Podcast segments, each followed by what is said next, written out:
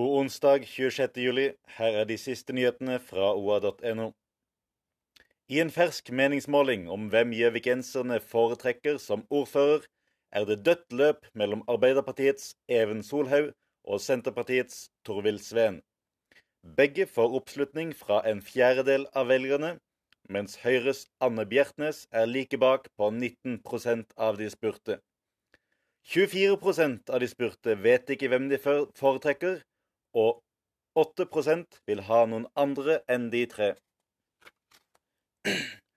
Utvalgsleder for teknisk drift og planetaten i Vestre Toten, Stian Pettersbakken, må tåle kritikk fra kommunens kontrollutvalg etter at han selv utførte gravearbeider på et prosjekt han selv ga dispensasjon til.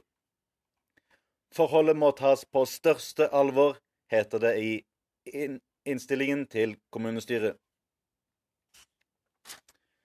Å les om portugisiske Fabio Nuno Crespos dos Santos, som egentlig skulle ha en sommerjobb på Sportin høyfjellshotell, men fant kjærligheten og ble boende.